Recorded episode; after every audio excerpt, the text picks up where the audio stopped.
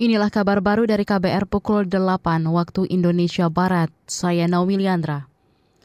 Menteri Komunikasi dan Informatika Menkominfo Budi Ari Setiadi menargetkan pembangunan proyek Base Transceiver Station BTS 4G bisa tuntas tahun ini. Budi mengklaim saat ini pihaknya telah mengidentifikasi masalah dugaan korupsi senilai 8 triliun rupiah dalam proyek tersebut. Hal ini guna menentukan langkah selanjutnya mempercepat pembangunan serta menghindari adanya celah korupsi. Kita terus melakukan uh, identifikasi masalah, koordinasi dengan pihak-pihak terkait. Kita Senin kita akan koordinasi dengan Kejaksaan Agung untuk melakukan pengawalan karena proses hukum biarkan, tapi yang program BTS ini harus terus berjalan karena ini soal hak rakyat memperoleh uh, signal bandwidth untuk rakyat begitu. Itu tadi Menteri Komunikasi dan Informatika Menkominfo Budi Ari Setiadi. Sebelumnya Presiden Jokowi memerintahkan agar penyelesaian proyek BTS menjadi prioritas. Jokowi juga mempersilahkan proses hukum dugaan korupsi tetap berjalan. Dugaan korupsi BTS Kominfo itu merugikan negara hingga 8 triliun rupiah. Kasus itu menyeret bekas Menkominfo Johnny G. Plate.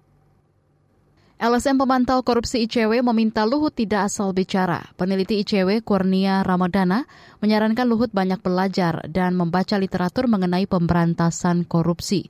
Luhut juga diminta memahami kondisi pemberantasan korupsi di Indonesia yang sedang berada pada fase mengkhawatirkan. Pernyataan Kurnia itu merujuk peringkat indeks persepsi korupsi IPK Indonesia yang anjlok di tahun lalu dari 38 menjadi 34. Selain itu, ranking Indonesia juga turun 14 tingkat dari 96 menjadi 110. OTT yang dikritik oleh saudara Luhut sebenarnya adalah upaya penindakan di KPK yang telah berhasil menjebloskan banyak pejabat publik ke dalam penjara. Mulai dari pimpinan lembaga negara, menteri, hingga kepala daerah. Oleh sebab itu, ke depan kami berharap agar saudara Luhut bin Sarpanjaitan tidak asal bicara. Peneliti ICW Kurnia Ramadana mengatakan upaya pencegahan korupsi harus berjalan beriringan dengan upaya penindakan sebagai sebuah proses hukum yang dijamin oleh peraturan perundang-undangan. Sebelumnya Luhut mengatakan kinerja KPK tidak boleh hanya dilihat dari jumlah orang yang ditangkap. Dia mengatakan strategi pemberantasan korupsi yang hanya berfokus pada penindakan dengan menangkapi orang atau OTT adalah strategi yang kampungan. Saudara kalangan pelaku usaha kecil mendesak pemerintah menerbitkan regulasi untuk melindungi usaha mikro kecil dan menengah UMKM dari ancaman proyek S TikTok. Proyek S merupakan upaya TikTok penjual produk mereka.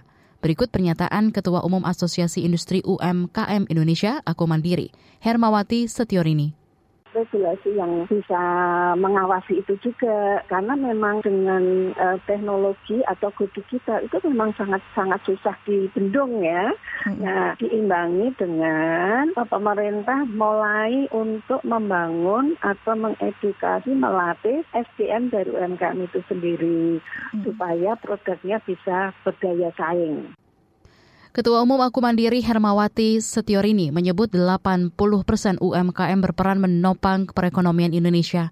Untuk itu dia mendorong pemerintah memastikan pelaksanaan edukasi dan sosialisasi terkait peningkatan daya saing UMKM.